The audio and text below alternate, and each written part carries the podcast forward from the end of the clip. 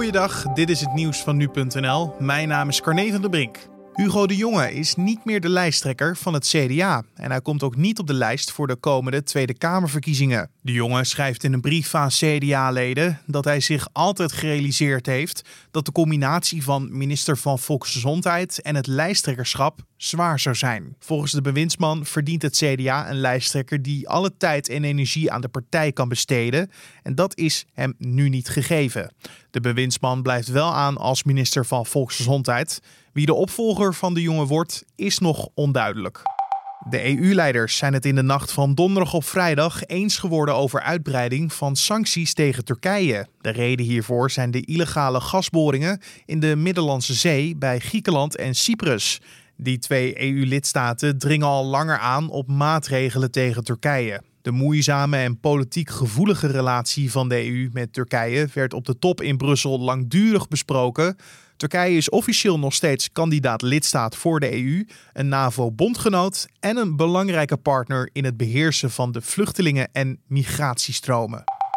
De aanstaande Amerikaanse president en vicepresident Joe Biden en Kamala Harris zijn door Time Magazine uitgeroepen tot Person of the Year.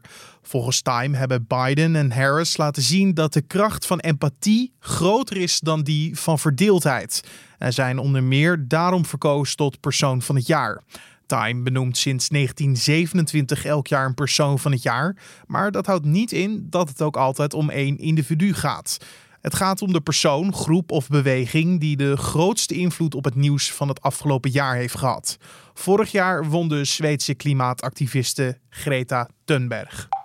Alleen Ajax en PSV gaan verder in de Europa League. Feyenoord is gisteravond uitgeschakeld door Wolfsberger AC. Met 0-1 verloren zij het beslissende groepsduel.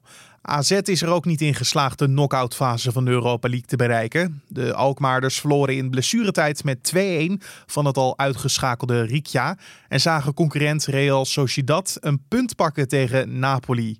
Maandag is de loting voor de volgende ronde en dan weten we tegen wie Ajax en PSV moeten spelen in februari. En tot zover de nieuwsupdate van nu.nl.